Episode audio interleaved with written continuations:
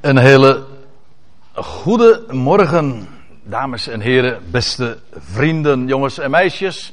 Niet te vergeten daarachterin, in grote getalen, daar aanwezig. En vanmorgen in het bijzonder staan wij stil bij dat machtige feit, waarvan we zojuist ook hebben gezongen, dat daar ooit in Jeruzalem, of even buiten de poorten van Jeruzalem, de steen werd weggewenteld en dat het graf daadwerkelijk leeg achtergelaten werd door de eersteling uit de doden. Maar dat zag u al in dat eerste plaatje. Waarvan sommigen dachten dat het misschien wel erg frivol was. Hè, met, uh, hebben u het allemaal gezien? Over dat ene kuikentje dat te midden van al die eieren die nog niet uitgekomen zijn. Daar tevoorschijn is gekomen. Maar de meeste mensen weten dat allemaal niet meer, waar dat een beeld van is. Hm? Ik bedoel, iedereen die eet eitjes en weet allemaal, we weten allemaal, hè, de paashaas en die eieren, dat het iets met Pasen te maken moet hebben. Maar waarom, dat weet bijna niemand meer. Maar dat, een ei is een beeld van nieuw leven. En de eersteling, en daar gaat het maar om, de eersteling is inderdaad verschenen. Dat wil zeggen, hij heeft de dood overwonnen en hij is, zoals Marjolein zojuist terecht zei, hij is de absolute garantie voor de goede uitkomst in de toekomst. Nou, ik wil u vanmorgen graag eens meenemen naar Johannes 20, maar we zullen onderwijl, terwijl we daarbij stilstaan, naar allerlei andere schriftplaatsen ook gaan. En ik heb het als titel meegegeven, de laatste Adam als hovenier. En u moet misschien even daarover nadenken wat ik daarmee zou bedoelen. Maar die uitdrukking, de laatste Adam, die komt uit 1 Korinthe 15. Paulus gebruikt daar die, die uitdrukking. Sommige mensen die zeggen dan dat de Heer Jezus Christus de tweede Adam is, maar dat klopt niet. De Heer Jezus is de laatste Adam. Dat wil zeggen, de definitieve. Daarna komt er niet één meer. Degene die heel de mensheid omsluit. En hij is inderdaad de, de, hovenier. U weet, Maria die dacht dat ze te maken had, Maria Magdalena, als u, ik refereer eventjes aan die geschiedenis die we daar in dat hoofdstuk treffen, Johannes 20, dat Maria denkt te maken te hebben met de tuinman. Zij meende het, dat het de tuinman was en bij nader inzien blijkt dat ook het geval te zijn. Hij is de tuinman, de ware hovenier. Goed, daar ga ik u straks wat meer over vertellen. Maar ik wil u eerst eens meenemen naar Johannes 19. En ik wil een paar bijzonderheden vertellen en doorgeven, belichten. Die we in de schrift vinden over het graf waarin de Heer Jezus gelegd was. We lezen in Johannes 19, vers 41. Er was ter plaatse waar hij gekruisigd was, ik kom daar ook straks nog op terug, een hof. En in die hof een nieuw graf staat er, waarin nog nooit iemand was bijgezet. Ook de andere evangelisten melden dat. Dus toen hij in het graf kwam, was hij al een eersteling. Als je er zo over nadenkt. Niet waar? Het was een nieuw graf waarin nog nooit iemand bijgelegd was. En hij was een eersteling in dat graf, maar hij, belangrijker nog, het was feitelijk al een aankondiging van wat er zou gebeuren op de derde dag. Hij is de eersteling ook uit het graf. Maar nu eventjes dat andere. Een nieuw graf. Ook dat vinden we elders in Matthäus 27 ook beschreven. Daar wordt namelijk nog een beetje informatie over doorgegeven. Daar staat in vers 60 van dat hoofdstuk. En hij, en dan gaat het over Jozef van Arimathea, die man uit de Hoge Raad, die in goede verhouding stond met, met Jezus van Nazareth. Welke verhouding dat geweest is, dat is uh, moeilijk te achterhalen. Sommige mensen zeggen het was een familielid van hem. Andere mensen weten precies te vertellen dat het een oom van hem was. Dat laten we allemaal in het midden. Hij, dat is die Jozef van Arimathea, dan lees je, hij legde het in zijn nieuw graf, precies zoals Johannes dat ook zegt, dat hij in de rots had laten uithouwen. Ook Marcus zegt dat het een rotsgraf was. Ja, ik zeg het expres zo, rotsgraf, ja. En dat is ook eigenaardig. Het was een graf dus in de rots uitgehouwen. In de Bijbel vinden we nogal eens een keer de rots. En ook allerlei symboliek in, eh, in verband daarmee. Voor het voetlicht uh, geworpen. Kijk, de heer Jezus werd gelegd in de rots. Dus hij stond ook op. Dat uit dat graf, dat uit de rots was uitgehouwen. Of dat in de rots was uitgehouwen. Er kwam dus nieuw leven uit die rots. Dat is eigenlijk de gedachte als hier wordt vermeld, dat, was, dat graf, dat was, een, dat was een rots. En waarom zeg ik dat en benadruk ik dit nu? Omdat als je eventjes daarover door gaat denken en linken gaat leggen met andere schriftplaatsen. En dat wat we in het Oude Testament al tegenkomen. Dan denk je, hé, hey, dat is eigenaardig. Moet u eens een keertje in een concordantie intikken. Ja, ik, ik zeg in, in een concordantie intikken. Ja, Theo, jij denkt van hoe is dat nou? Uh, je, een concordantie, die pak je toch uit de boekenkast en dan, uh, en dan ga je bladeren. Ja, dat, maar dat was toen. Dat weet je wel. Vroeger deed men dat zo. Tegenwoordig tik je dat in een concordantie in. En dan tik je bijvoorbeeld in eh, in de rots of uit de rots. Weet je wat er allemaal uit de rots komt? Nou, ja, nou, ik, ik zal je drie voorbeelden geven. En ik ben niet uitputtend. Maar ik wil u drie mooie voorbeelden geven. In de eerste plaats, nummer 20. Dan lees je dat tegen Mozes wordt gezegd: Neem de staf. Haha, denk ik dan. De staf we hadden het net over eieren en, uh, en over de symboliek daar, daaromtrent die zo onbekend is. Maar nou hebben we nog iets. De staf. De scepter. Over de staf worden ook allerlei dingen verteld. Gewoon in de wereld. Hè. Eh, u kent toch het fenomeen of, uh, en, en het sprookje van de, de, van de, toverstaf. En mensen vragen zich dan af. Hoe, of misschien hebt u zich die vraag niet gesteld. U, eh, eh, maar bekend is het in elk geval. Hoezo een, een toverstaf? Maar weet u wat het is? Een staf in de Bijbel is een uitbeelding van opstanding. En ik zou haar zeggen, daag me niet uit om het te bewijzen, want dan hebben we inderdaad twee paasdagen nodig. Nee, echt waar, want ook dan tik het maar in je concurrentie in, waar je de staf tegenkomt. Een staf, de korte route is heel makkelijk.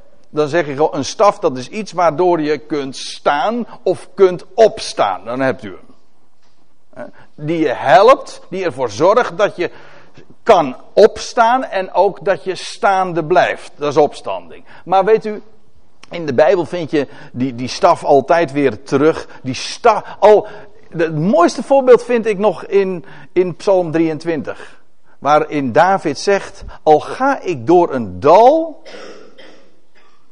van schaduwen des doods. Dat wil zeggen, al ga ik door een dal waarbij de dood haar schaduw vooruitwerpt. En wat staat er dan achter? Uw stok en uw staf, die vertroosten mij. Met andere woorden, dat al, al werpt de dood haar schaduw over je bestaan, al ga je door een dal, wat is er dan dat werkelijk troost biedt? Dat is zijn staf. Namelijk dat besef, die wetenschap van opstanding. En een staf, daar wordt nieuw leven door uh, tevoorschijn gebracht. Vraag het maar aan, die, aan Elisa die een staf legde op die dode man, weet u nog? Of was het Elia? Nou weet ik het even niet meer. En wat gebeurde er? De man stond op. En zo kunnen we nog wel even doorgaan. Het gaat er nu eventjes, want we moeten wel eventjes bij de les blijven. Nummer 20. Mozes nam een staf. Daar gaat het me dan even om. Hij nam een staf.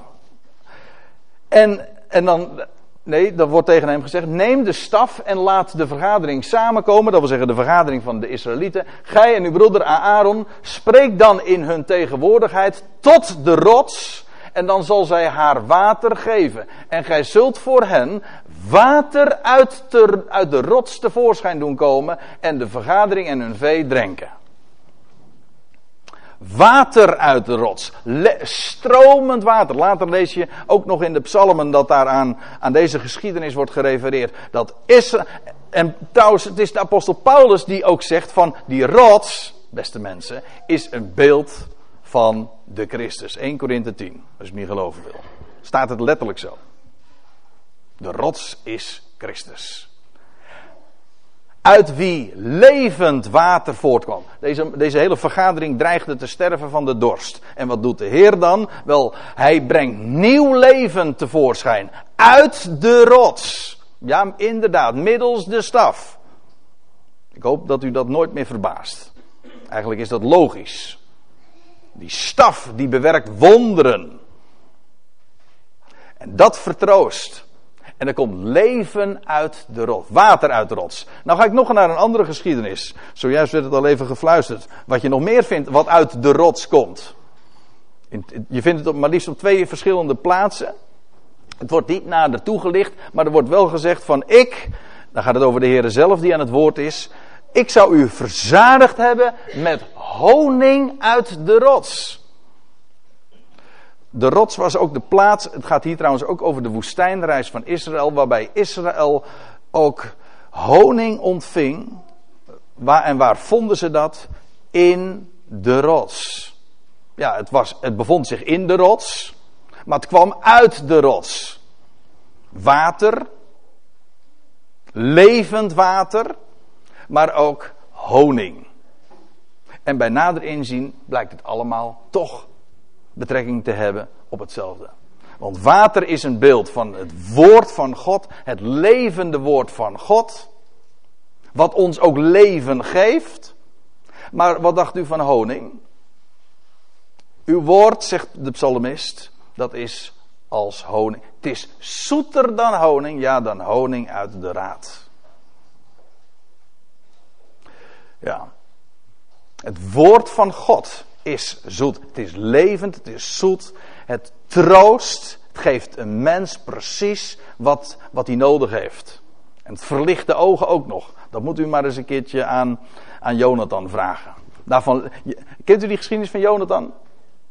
Die, die dan ja, het was tegen het gebod van zijn vader in. Maar die een, sta, een staf nam. Ja, hij nam zijn staf en hij doopte die in de honing. En hij nam het tot de mond, in, in zijn mond. Dat hij was, ze waren zeer hongerig. En dan lees je.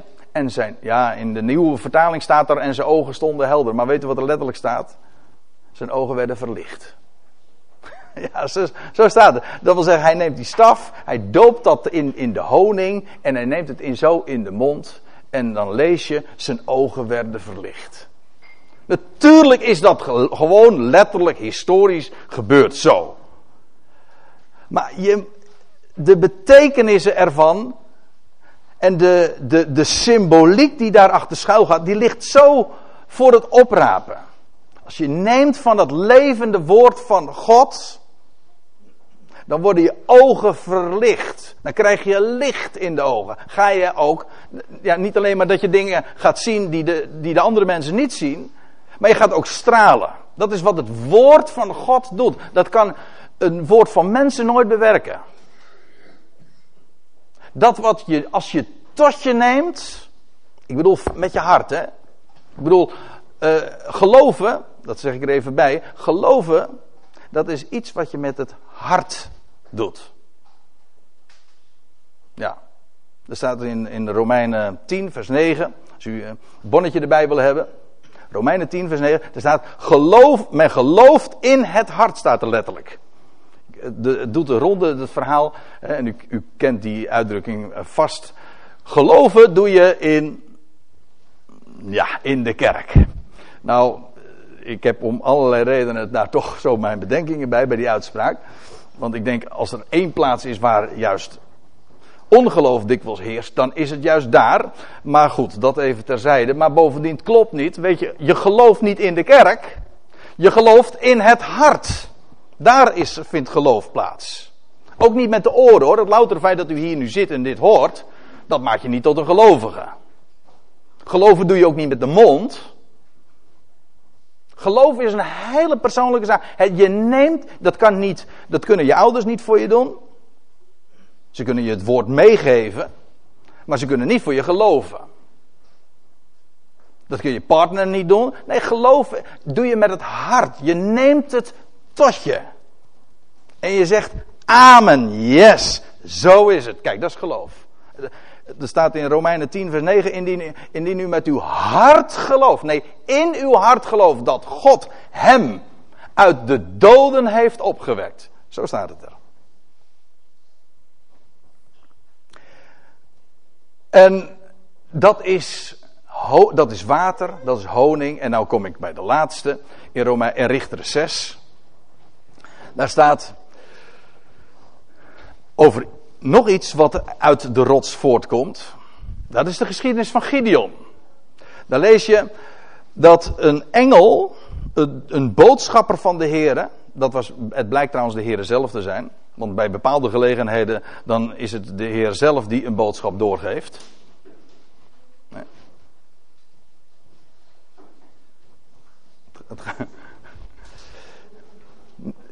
Hoor, hoor wie klopt daar, kinderen?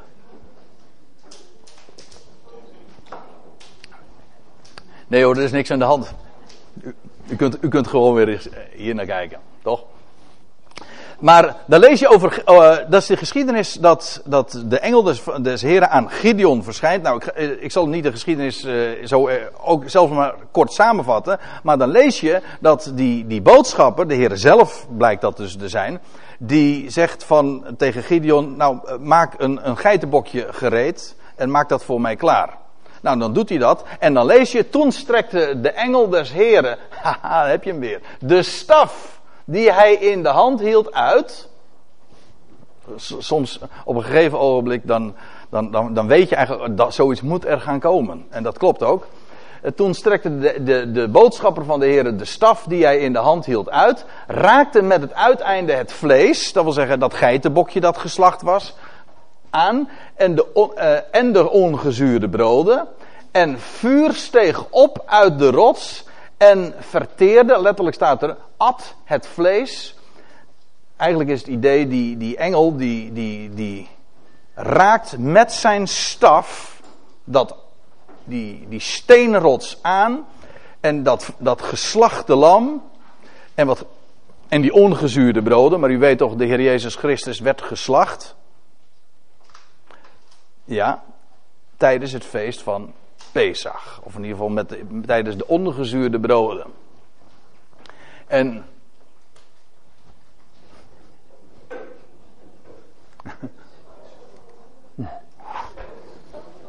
Stoort het zo, Emily? Ah, oké. Nou, nou. Als, als, u, als u nog wat hebt, dan doe het dan nu meteen eventjes. Dan gaan we even pauzeren. Nou, het werkt wel, geloof ik, hè? Ja, kijk. Goed. En dat zonder staf, hè? Maar dan, dan lees je dus dat hij. Want nou weet ik even niet meer precies waar ik gebleven was. Maar eh, nou, we pakken gewoon hier de draad op. Wat er gebeurt is. Hij, hij raakt met een staf die, dat, dat geslachte lam aan. Dat, dat geitenbokje. En, en dan wat, wat er dan gebeurt. En in één, in één keer dat, dat, dat, dat geitenbokje, dat, dan staat er. Uh, dat uh, vuur steeg op uit de rots. En, en, het wordt ineens verbrand. Het gaat in rook op. En dan lees je. Daarop verdween de engel des Heren uit zijn. Dat wil zeggen uit Gideons gezicht. Het hele idee is daarbij dat die, de, dat die rots feitelijk een altaar was. En op dat altaar lag een geitenbokje. En dat wordt aangeraakt door de staf. En het, gaat, het stijgt op ten hemel. Het gaat, van ziel wordt het geest. Beeld van opstanding uit de doden. Hier is het vuur steeg op uit de rots. Maar vuur is ook weer een beeld van Gods geest. En daarmee feitelijk van leven. Want geest is leven. Als je geest ontvangt, ontvang je leven. Als je de geest geeft, ga je dood. Dus wat ik ermee wil zeggen is, als je dan inderdaad de schrift erop na gaat slaan. Wat bevindt zich in de rots? Wat komt er uit de rots? Wel, dat is water, levend water. Dat is honing, dat is vuur. En het blijkt allemaal betrekking te hebben op hem die gestorven is, maar is opgestaan uit de dood. Kijk, en zo'n, eh, die geschiedenissen waar ik zo even naar verwijs, die, zit, die zitten boordevol van dat soort betekenissen. En alles in die schriften wijzen naar hem. En als er dus staat dat de Heer Jezus werd begraven en in een graf werd gelegd, een nieuw graf, bovendien dat uitgehouwen was in de rotsen, dan is dat niet voor niks. Want die rots verwijst naar hemzelf. Die rots verwijst naar hem die leven, die levend water, die honing en vuur produceert. Dat wil zeggen, dat wat er aan het licht kwam toen hij op de derde dag verrees en uit dat graf, uit die rotsgraf tevoorschijn kwam. Dat was inderdaad levend water. Dat was honing. Dat was werkelijk vuur, geest.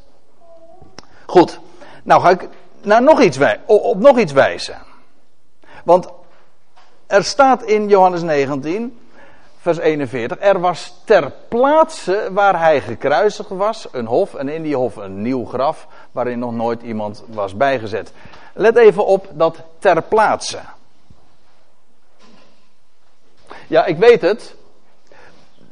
De, in het volgende vers wordt dat ook verklaard. Waarom? Want er staat er nog, daar, daar dan legde zij Jezus neer, wegens de voorbereiding der Joden, omdat het graf dichtbij was. Als je de hele geschiedenis kent, dan weet je dat er haast was. De Sabbat zou aanbreken, dan mocht men niet meer werken. Dus het, was, het, het liep tegen, tegen, uh, tegen de avond aan, wanneer immers de Sabbat ook inderdaad aanvangt. En voor de Sabbat moest alles geregeld zijn.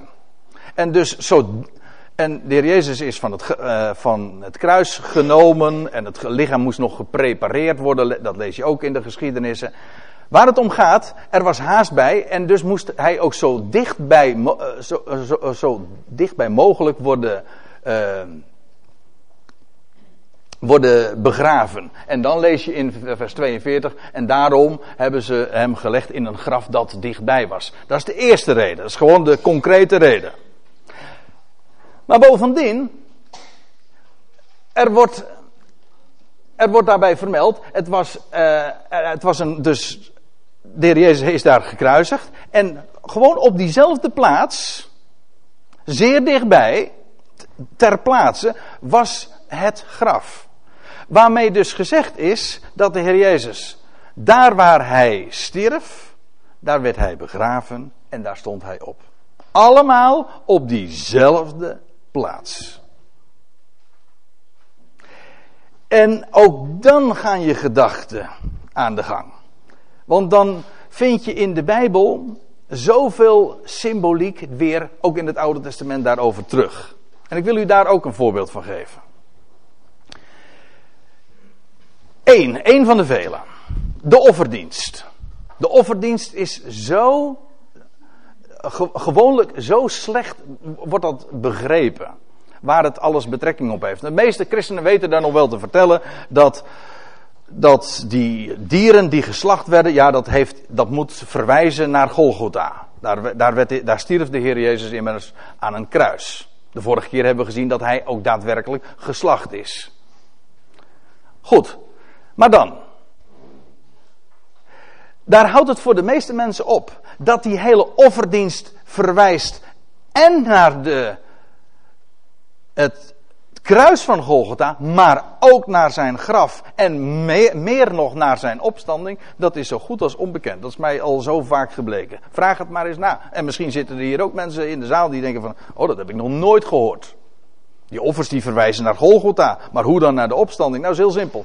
Je leest, kijk, je leest bijvoorbeeld, ik heb maar een, willekeurig voorbeeld daarvoor aangehaald. In Leviticus 9, vers 8, dan lees je: Toen, na, toen naderde Aaron tot het altaar en hij slachtte het kalf. Dat wil zeggen, een dier eh, in de offerdienst, in de tabernakel of in de tempel, dat werd geslacht. En waar vond die slachting plaats? Bij het altaar. Dat was nog niet het offer, Eerst werd een dier geslacht. Eerst werd het geslacht bij het altaar. Dan vervolgens werd het neergelegd als het geslacht was op het altaar. En dan tenslotte steeg het op vanaf het altaar. Maar alles bij het altaar.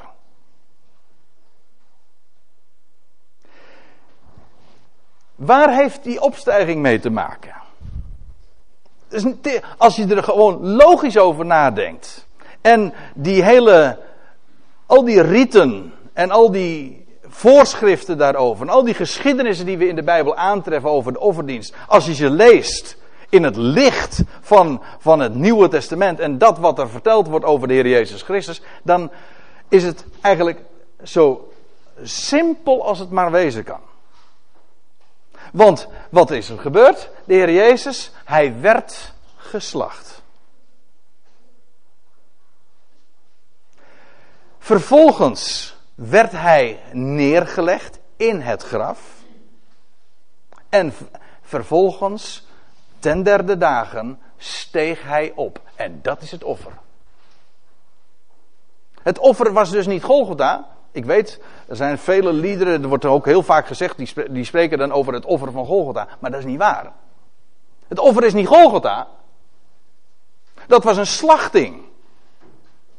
De slachting vond plaats bij dat altaar, dat is een beeld van het graf. Vervolgens werd hij gelegd in dat graf en vanuit dat graf steeg hij op uit het graf. Hè? Zo hebben we het ook gezongen. Hij steeg uit het graf door vaders kracht, want hij is God bekleed, bekleed met macht. Dat is het offer. Dat is voor God de liefelijke reuk. Die slachting niet. Dat is voor God niet liefelijk geweest. In wezen, als een gaaf, jong dier geslacht wordt, is dat zonde. Het wordt gerechtvaardigd. Hoe, hoe kan je zoiets doen? Wel, het wordt gerechtvaardigd in dat wat er daarna plaatsvindt. Namelijk in de opstanding van de Heer Jezus Christus. Daarin, dat is het echte offer. Dat is waarin Hij verrees en wat voor God de liefelijke reuk is en waarin Hij ons aanziet. Ja, maar ziet u, zoals dus die slachting plaatsvond bij het altaar en vervolgens daarbij dat al, en op dat altaar dat offer ook verrees en opsteeg naar God. Wel, zo is met de Heer Jezus Christus ook. Hij werd geslacht bij het graf en, uit, en, vanaf dat, en vanuit dat graf is hij ook verrezen tot nieuw leven. Ter plaatse waar hij gekruiseld was. En dan ga ik naar nog een andere schriftplaats toe. Ja, we bladeren echt vanmorgen door de Bijbel hoor. Want nu gaan we helemaal terug, zo'n beetje, naar een van de allereerste bladzijden van de Bijbel, in Genesis 3. Daar lees je, daar, daar, daar komen we ook in de hof terecht. Ja, ik hoop dat, u, dat er een, een, belletje gaat rinkelen bij u, of een lampje gaat branden. Ik weet niet hoe het bij u precies gaat. Maar dat u in elk geval het, erop alert bent.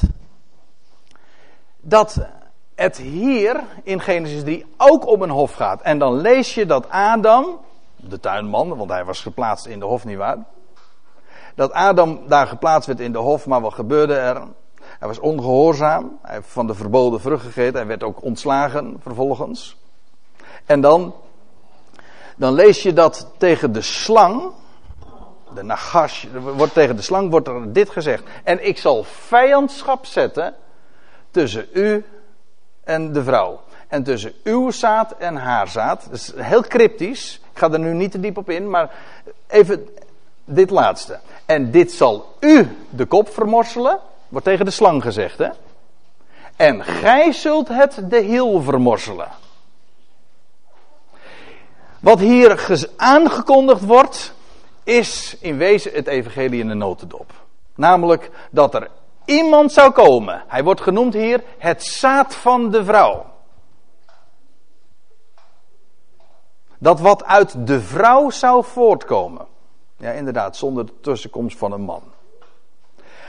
Hij die uit de vrouw zou voortkomen, wel, hij zou hem zou de hiel worden vermorseld. Dat wil zeggen, hij zou in zijn wandel, zoals, u moet zich dat voorstellen, hoe dat gaat met een slang die, die, die bijt. Je loopt en dan treft hij je in de hiel, in je, in je wandel. En ineens uh, wordt, de, zoals hier dat ook uh, staat, wordt de hiel vermorseld. Dat wil zeggen, de hiel wordt aangegrepen en, en dodelijk gif toegebracht. Ja, en dat wordt hier gezegd over het zaad van de vrouw. De Messias, die, de Messias die zou komen, hij zou getroffen worden door de slang, door slangengif. En het zou hem de hiel, het zou hem de hiel vermorselen. Maar staat erbij, het zal u de kop vermorselen.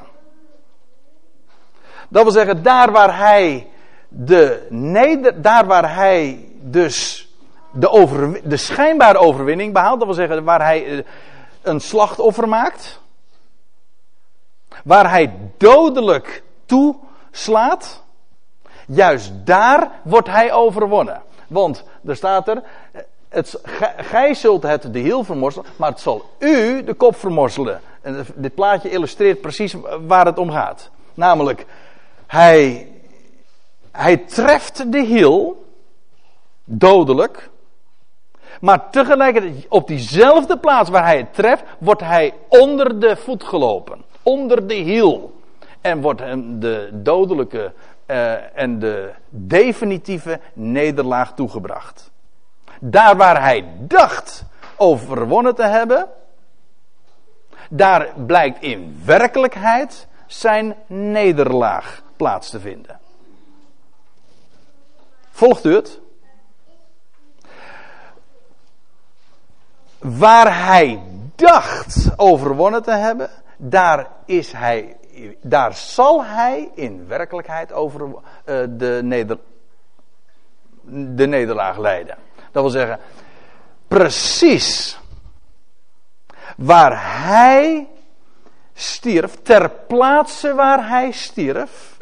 En dat was de overwinning van de slang. Zo wordt het, ook, zo wordt het in de Bijbel ook gezegd. Maar onwetend dat hij juist daar zou worden overwonnen. Ter plaatse waar hij gekruisigd was, was een graf. En juist in dat graf werd hij, uh, werd hij overwonnen. Je leest in 1 Korinthe 2 dat Paulus schrijft, in de, dan gaat het over de heersers van deze wereld. Ook de heersers achter de schermen van deze wereld.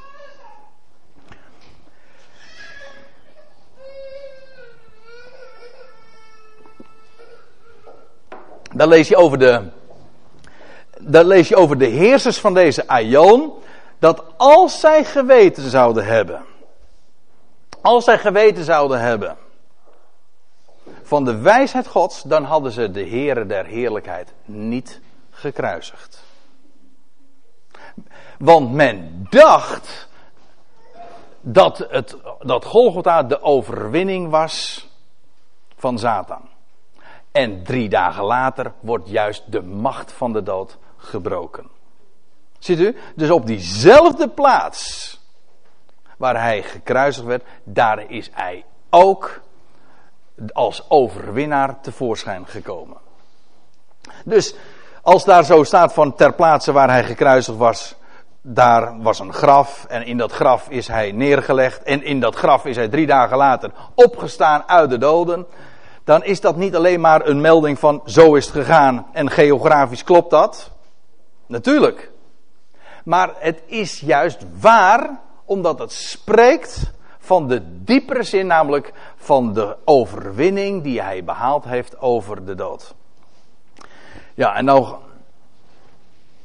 wil ik u nog, uh, nog één keer meenemen naar datzelfde Johannes 19. Daar lees je. Uh, er was ter plaatse waar hij gekruisigd was een hof en in die hof een nieuw graf waarin nog nooit iemand was bijgezet. Ja, en als je nog een hoofdstuk dan doorbladert, dan kom je in Johannes 20 dus terecht. En dan vind je op die opstandingsmorgen dat de Heer Jezus daar een ontmoeting heeft met Maria, Maria Magdalena. En dan lees je dat Jezus tegen haar zegt,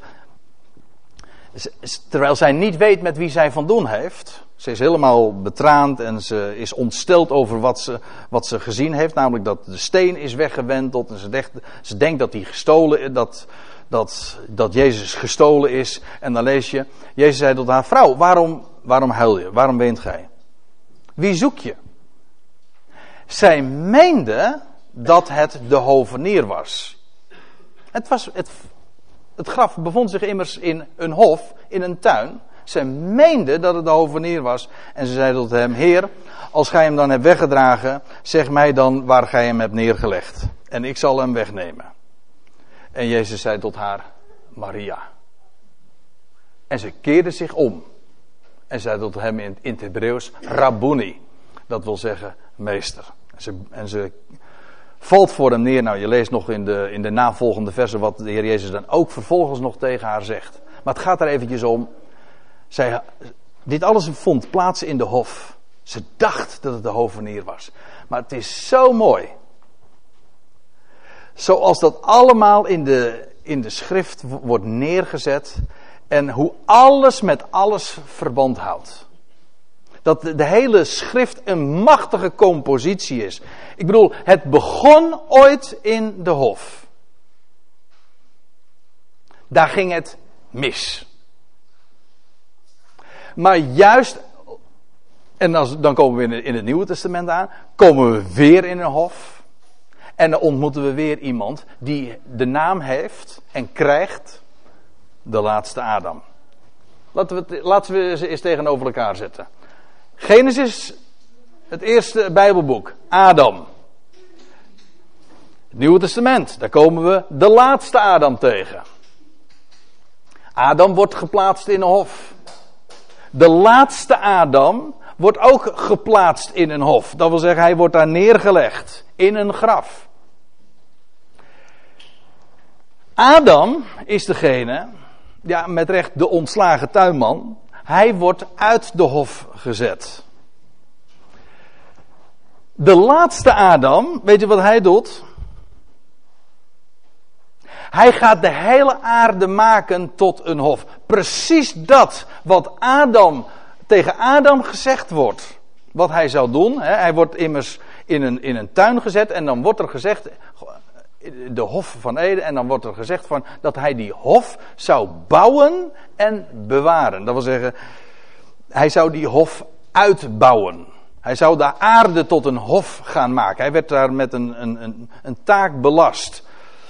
Maar wat Adam niet gelukt is, was trouwens ook de bedoeling hoor. Dat, was allemaal in, dat stond allemaal in het script.